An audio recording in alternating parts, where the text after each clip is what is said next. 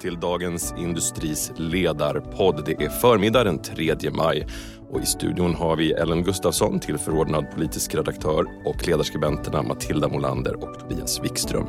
Jag heter Andreas Johansson och vi ska börja med en politisk vilde. Elsa Widding lämnar SD.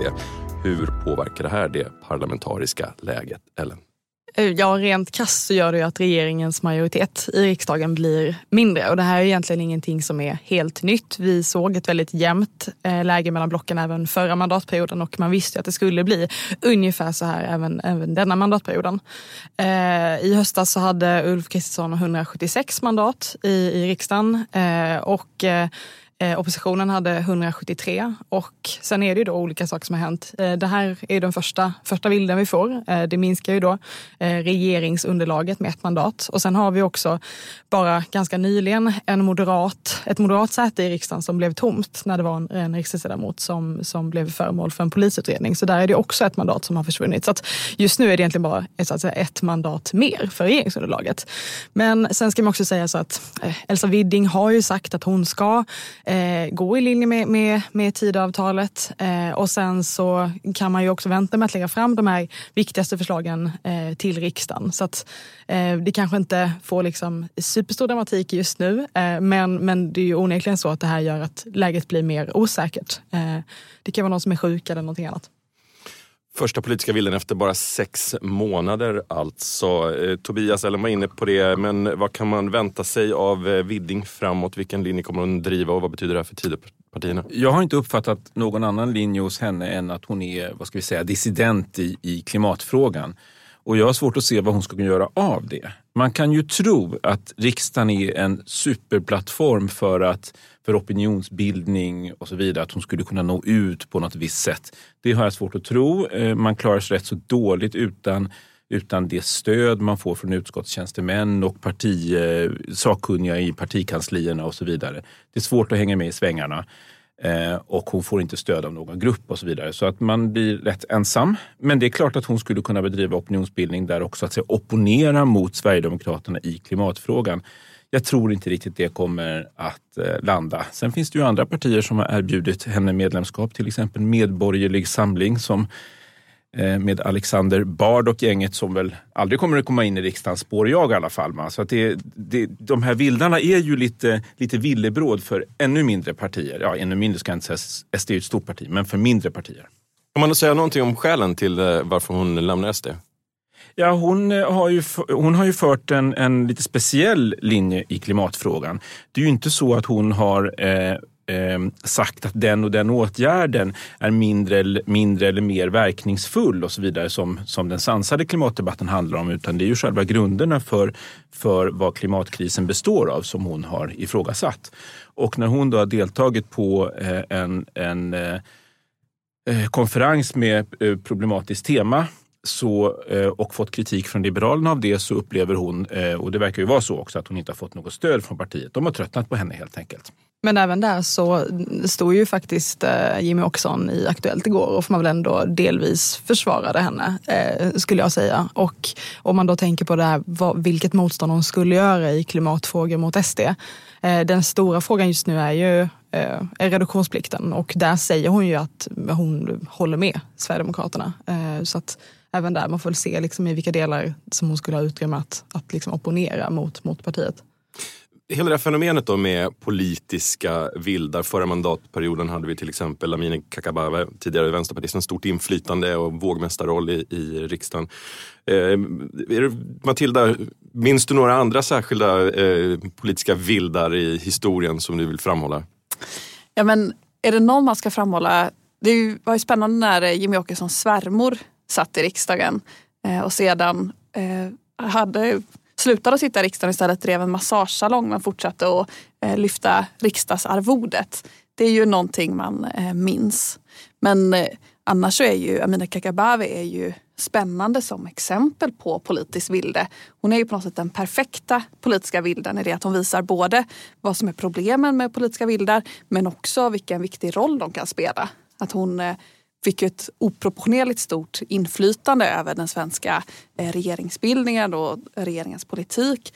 Men hon visade också, för hon blev ju, fick ju lämna Vänsterpartiet eh, säger hon själv eftersom hon drev eh, en politik, särskilt i hedersfrågorna, som Vänsterpartiet inte uppskattade. Och då använde hon sitt förhandlingsmandat till att få ut väldigt mycket ändå, får man säga, konkret politik av regeringen i de här frågorna som hon hade drivit under lång tid. Och det är ju just för att riksdagsledamöterna inte ska vara liksom livegna partiet. Att partipiskan inte ska vara så hård och så stark. Det är just därför som vi har möjligheten att man ska kunna bli politisk vilde.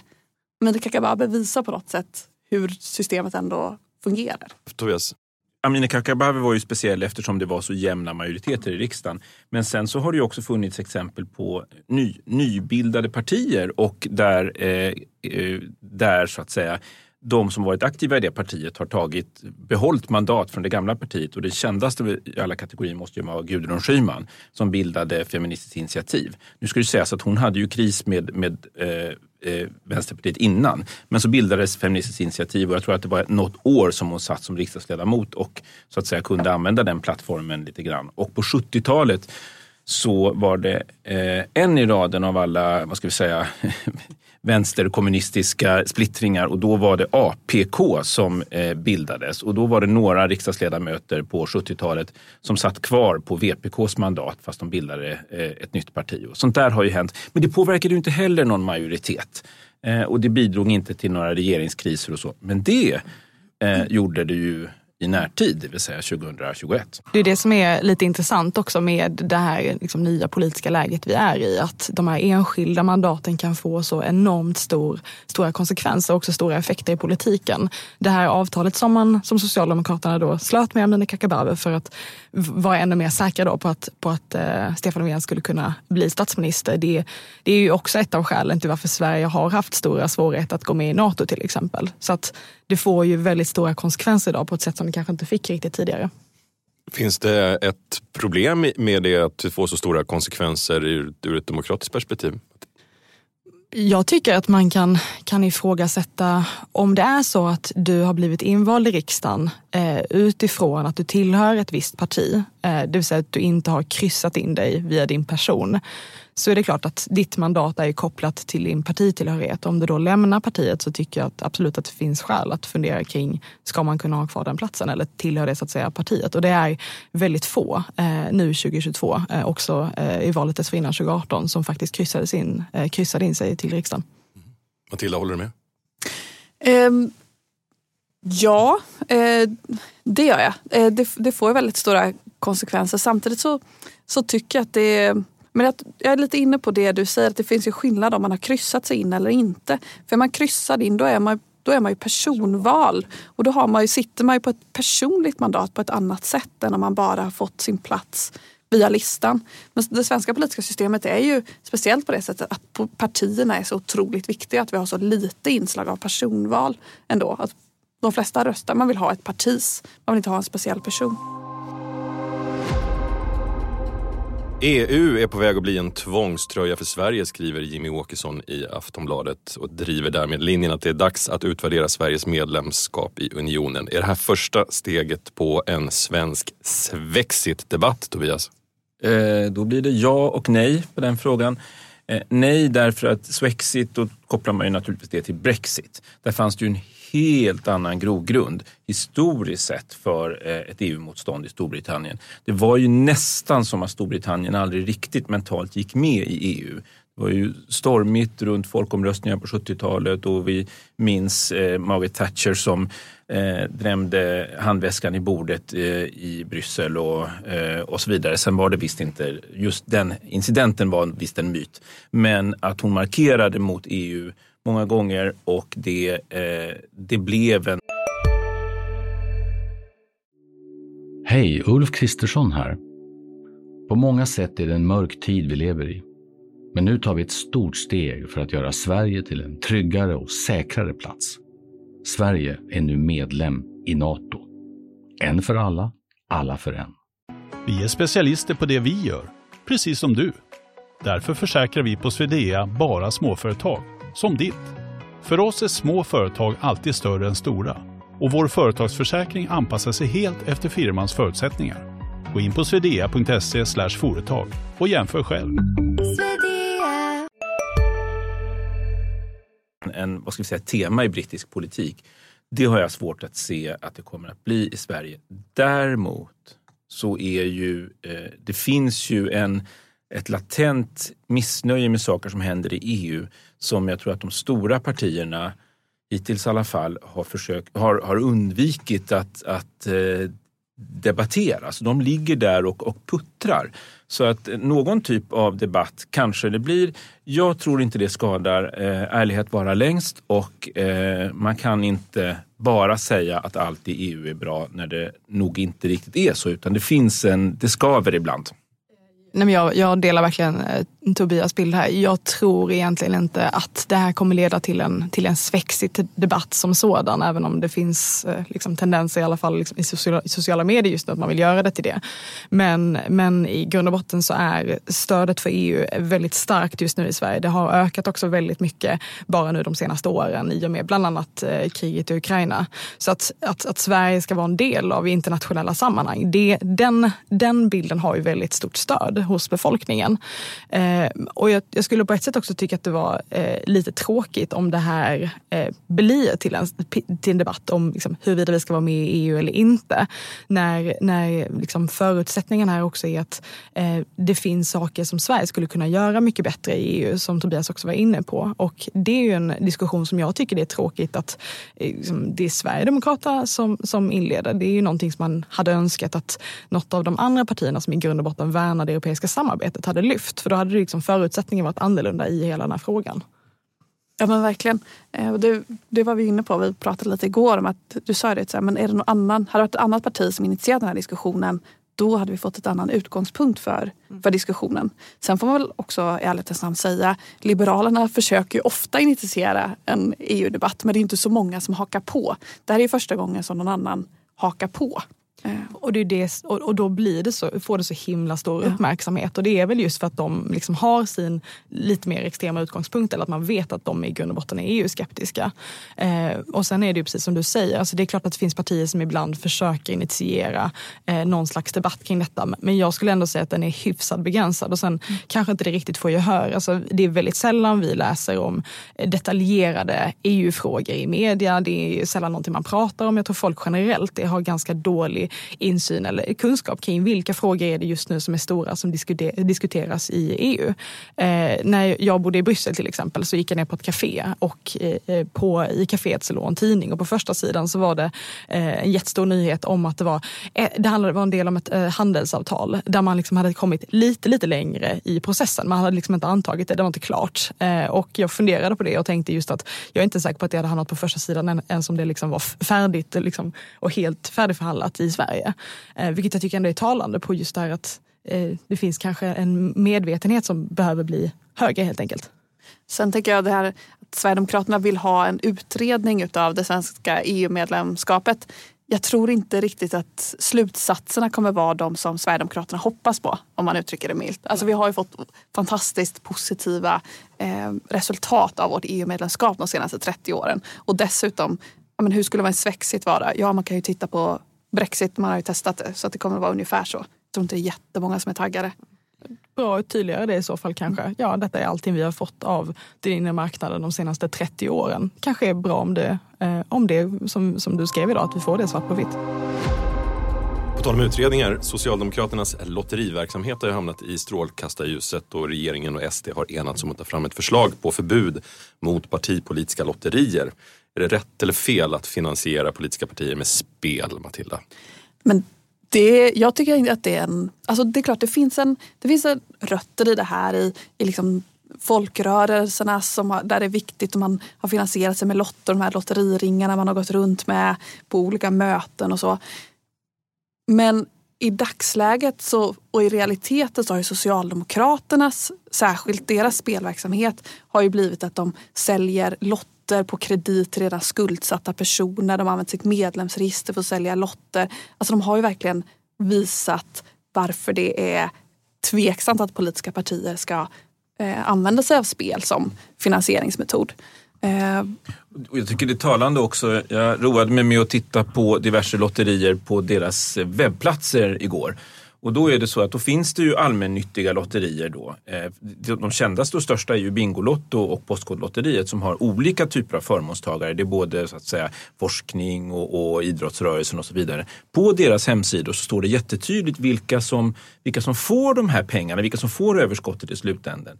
IUGT, nykterhetsorganisationen, har också där det står att vi, vi, du, och köper du lotter hos oss så bidrar du till eh, Eh, ja, att ett eh, samhälle med mindre alkohol och så vidare. Det är ett tydligt ändamål. Men på Socialdemokraternas lotteri då får man liksom scrolla ner till längst ner till höger och så står det lite finstilt i någon sån här grå stil då att förmånstagare är Socialdemokraterna.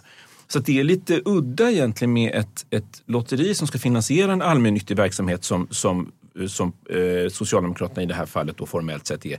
Men man döljer det. Istället så säger man att just med vårt lotteri, det tål att jämföras, står det. Eh, du har störst miljonchans på vårt lotteri. Jämför gärna. Så att det, det framstår ju som helt kommersiellt. Och det är ju lite udda med tanke på att det borde vara en verksamhet som de är stolta över. Om man pratar om eh, lotterierna så är det klart att det, det, är väldigt tveksamt att partier ska bedriva lotterier och det här är någonting som man har diskuterat under lång tid. Sen är det klart att liksom, tajmingen nu, att liksom efter en valseger, att man låter Sverigedemokraterna lyfta det här, det sätter ju också frågan i ett liksom, mindre sympatiskt ljus. Alltså vi, vill inte, vi vill inte skapa en politisk kultur i Sverige där den som har vunnit ett val använder sin valseger för att trycka till förloraren. Och det här ser ut så. Det är en, det är en välkommen reform men inramningen är inte snyggt gjord. Men det är ändå bara en utredning. Mm. Så att jag tror att det finns ett politiskt ändamål i det här. Man vill reta upp Socialdemokraterna och peka ja. på det här. Titta hur ni får era pengar. Men det ska ju tillsättas en utredning. Det ska gå genom lagrådet och så vidare. Det kommer att dyka upp många, vad ska vi säga, grund, grundlagsmässiga, principiella, konstitutionella aspekter på det här. Jaha, om man inte får finansiera sig med lotteriet, då kanske man inte ska få finansiera sig med det här och det här heller. Det, kan, det är inte alls säkert att det här leder till någon lagstiftning. Så jag tycker också det är lite prematurt liksom av oppositionen att säga att ni använder er majoritet för att köra över oss. Ja, hittills har de bara sagt att vi ska tillsätta en utredning. Det finns inga direktiv, finns ingenting sånt. Så att eh, det är nog väldigt mycket för att sätta igång en debatt och det borde Socialdemokraterna kunna tåla och bita tillbaka av och, och liksom säga att det här är en, en, verksamhet som vi inte skäms för och så vidare. Istället så, så kanske de har kört lite under bältet svar så att säga. Men det kommer att bli väldigt intressant att följa. Ja. För, det, för, det, kan man i alla fall säga, alltså, eh, precis som du säger, nu, nu har man sagt att man ska tillsätta den här utredningen men man, man har ju verkligen fått upp Socialdemokraternas lotterier och alla tveksamheter runt omkring det i debatten. Det har fått jättestort utrymme. Så bara där har de ju liksom, ja, fått en vinst om man säger så. Vad kan man säga om Socialdemokraternas retorik efter att eh, det här förslaget har presenterats? Jag skulle väl ändå säga att den har varit ganska ovärdig det politiska samtalet. Eh, men samtidigt så är den inte helt oväntad den här retoriken. Man har ju eh, sagt att de här högerpartierna skulle hota demokratin i flera år. När Magdalena Andersson meddelade att hon skulle lämna då posten som statsminister i höstas så stod hon och sa att det faller ett tungt ansvar på regeringen att markera mot hot och våld. Eh, och det får man väl anta att hon säger medvetet. Hon vet vad, vad det sätter för, för bild. Eh, och i grunden så finns det ju som sagt väldigt sakliga invändningar mot den här lotteriverksamheten. Men det är ju inte primärt de som hon svarar på utan man, man hänfaller snarare åt den här eh, skrämselretoriken då skulle jag säga. Och det är ju ett, att spela ett ganska, ett ganska högt spel. Eh, men, men man ska också komma ihåg att det här kom också från, från partiet som sa att det kändes som att det var en statskupp när det blev en borgerlig valvinst eh, 1976. Ellen Gustafsson, Matilda Molander, Tobias Wikström, stort tack för att ni var med idag. Missa inte våra andra poddar som Digitalpodden, Makrorådet och Analyspodden. Ni har lyssnat på DIs ledarpodd och ansvarig utgivare, det är Peter Fällman. Vi hörs igen nästa vecka.